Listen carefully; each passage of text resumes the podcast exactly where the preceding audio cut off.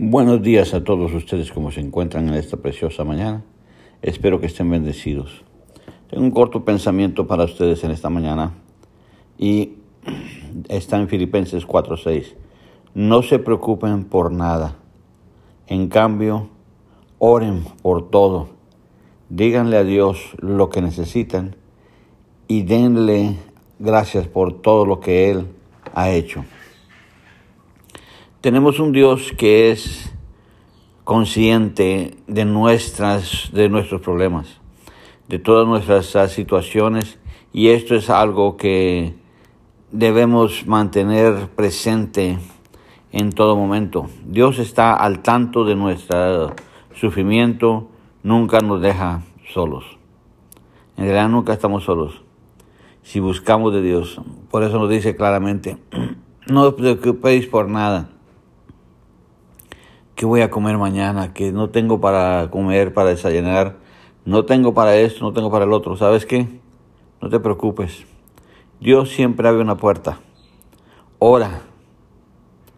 Ora por todo. Díganle, digámosle a, a Dios lo que necesitamos y démosle gracias por todo lo que Él ha hecho. ¿Qué es lo que ha hecho? ¿Te has puesto a pensar? ¿Qué ha hecho en tu vida? ¿Qué ha hecho en mi vida? En realidad, dime, no sé si podrás pensarlo claramente, pero ¿qué has hecho? ¿Qué ha hecho el Señor en tu vida? ¿Qué ha dado Él a tu vida? Hay tantas cosas que podríamos decir. Yo, por ejemplo, puedo decirles que hubo temporadas que no sé cómo me sacó el Señor adelante de los problemas financieros que tenía. Y tenía que buscar una manera de, tener esas finanzas y no las tenía. Pero el Señor suplió. ¿Cómo lo hizo? No sé. El asunto es que todo salió bien. No perdí mi casa, no perdí las cosas que tenía, materiales. Tenía que comer y el Señor suplió todas mis necesidades. Fue un gran gozo para mí en ese momento. Ahora si leemos 1 de Pedro 5.7, pongan todas sus preocupaciones y ansiedades en las manos de Dios, porque Él cuida de ustedes, de nosotros. Él cuida de nosotros. Por eso nos dice que pongamos todas nuestras preocupaciones y ansiedades. ¿Qué son preocupaciones y qué son ansiedades?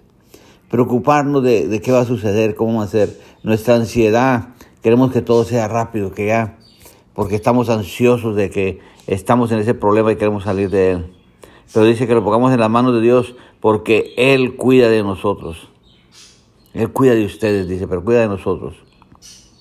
Nosotros somos sus hijos y Él nos ama y Él nos cuida y nos protege. Y si estamos en su mandato, en su, en su palabra correcta, Él nos va a ayudar. Amados, Dios no ha permitido que estemos en algunas situaciones para que nos sintamos desalentados o vencidos. Cada prueba que pasamos es una oportunidad para que Dios demuestre lo que en verdad Él es para nosotros. Un Padre amoroso y fiel, un Dios todopoderoso y maravilloso. Tenemos un Dios que nos que es infinitamente bueno. Sí, yo recuerdo haber escuchado a un pastor que dijo una vez el ver a Dios como un padre. Si nos recordamos había un hombre que se fue a encerrar en una cueva después de haber matado a todos los otros sacerdotes, por decirle así, y que, que, no creían en Dios, el pueblo de Israel no creía. Mató a 400 de esos sacerdotes, les cortó las cabezas. Pero se fue a esconder porque tuvo temor. Estaba escondido porque él tenía temor y quería morirse. Decía, Señor, quítame la vida, ¿para qué sirvo? Eh, soy como mi padre, que no sirvió para nada. Y empezó a usar excusas, pero el Señor le mandó un ángel. Y le dijo, hey, ¿qué estás haciendo? Así suavecito, ¿verdad? Ven, vamos a comer. Y le trajo un pan. Y comieron. Y le dijo, come porque va, el largo es tu camino a donde vas a ir. Si nos damos cuenta, el Padre, Dios, actuó como Padre como Padre que todos necesitamos. Vino y le suplió la necesidad porque tenía hambre. le dio de comer. Dice, Padre nuestro que estás en los cielos, santificado sea tu nombre. Vénganos tu reino y hagas tu voluntad. Danos hoy el diario pan y perdona nuestras ofensas. Que nos, que nos dice que le demos el pan, el pan diario. Nos alimenta primero, después arreglamos los problemas que hablamos. Pero vamos a comer primero. Él, como padre. ¿Qué padre de ustedes no hace esto por su hijo? ¿Quién de ustedes no suple por su hijo primero al verlo en su necesidad? Lo mira y le dice, mi hijo, ven, vamos a comer. Van, comen y luego, ¿cuál es su problema? Vamos a arreglarlo. Vamos a ver cómo arreglamos esto. Tenemos que estar seguros. El Señor nos ama de tal manera que no hay quien pueda quitarnos del amor de Él. No hay nada, no hay nada que nos pueda quitar. Mateo 6:34 nos dice, no se preocupen por el día de mañana, porque el mañana traerá sus propias preocupaciones. Cada día tiene ya sus propios problemas.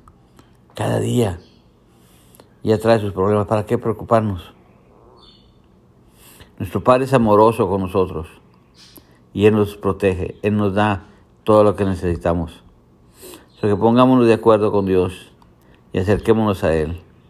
Busquemos de Él, Él va a suplir nuestra necesidad, cualquiera que ésta sea. Muchas veces creemos que eh, no nos va a dar nada. Estamos, ay, pero porque estoy aquí, Señor, y estamos bien preocupados. Pero tenemos que dejar cada día, ¿qué voy a hacer mañana? ¿Qué voy a hacer mañana?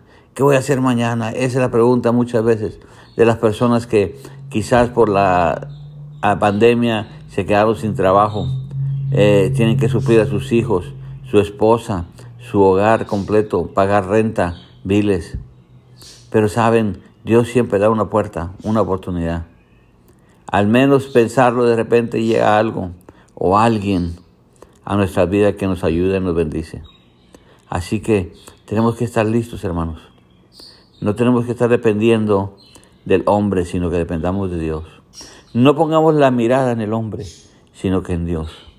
Todos hemos cometido ese error, que nos basamos y admiramos nuestros pastores y ponemos la mirada en ellos y decimos, qué buen pastor, yo quiero ser como él, yo quiero predicar como Él, yo quiero hablar como Él, yo quiero estar ungido como Él. Cada uno de nosotros tenemos una diferente unción. Cada uno de nosotros tenemos algo que el Señor nos ha dado, que es diferente a los demás. Dejemos de compararnos a los demás. Pongamos la mirada en Jesucristo. Y si la ponemos fijamente en Él, Él será fiel con nosotros y nos bendecirá. Así que hermanos, esta mañana ha sido un corto mensaje. Espero que lo puedan escuchar y ponerlo en práctica. Si quiere comunicarse conmigo, estamos en el, el torno del alfarero, arroba gmail.com. El torno del alfarero arroba gmail.com. Escríbanos, manden unas letras. Muy pronto les estaremos diciendo de la radio. Ya tenemos parte del equipo para sentarlo y estaremos en la internet también.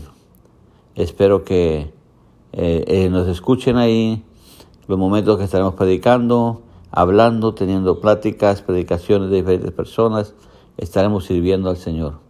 Así que bueno, es todo lo que tengo para ustedes. Que el Señor me los bendiga. Esto viene del corazón de Dios a mi corazón primeramente y luego compartirlo para con ustedes. Que el Señor me los bendiga. Amén y amén.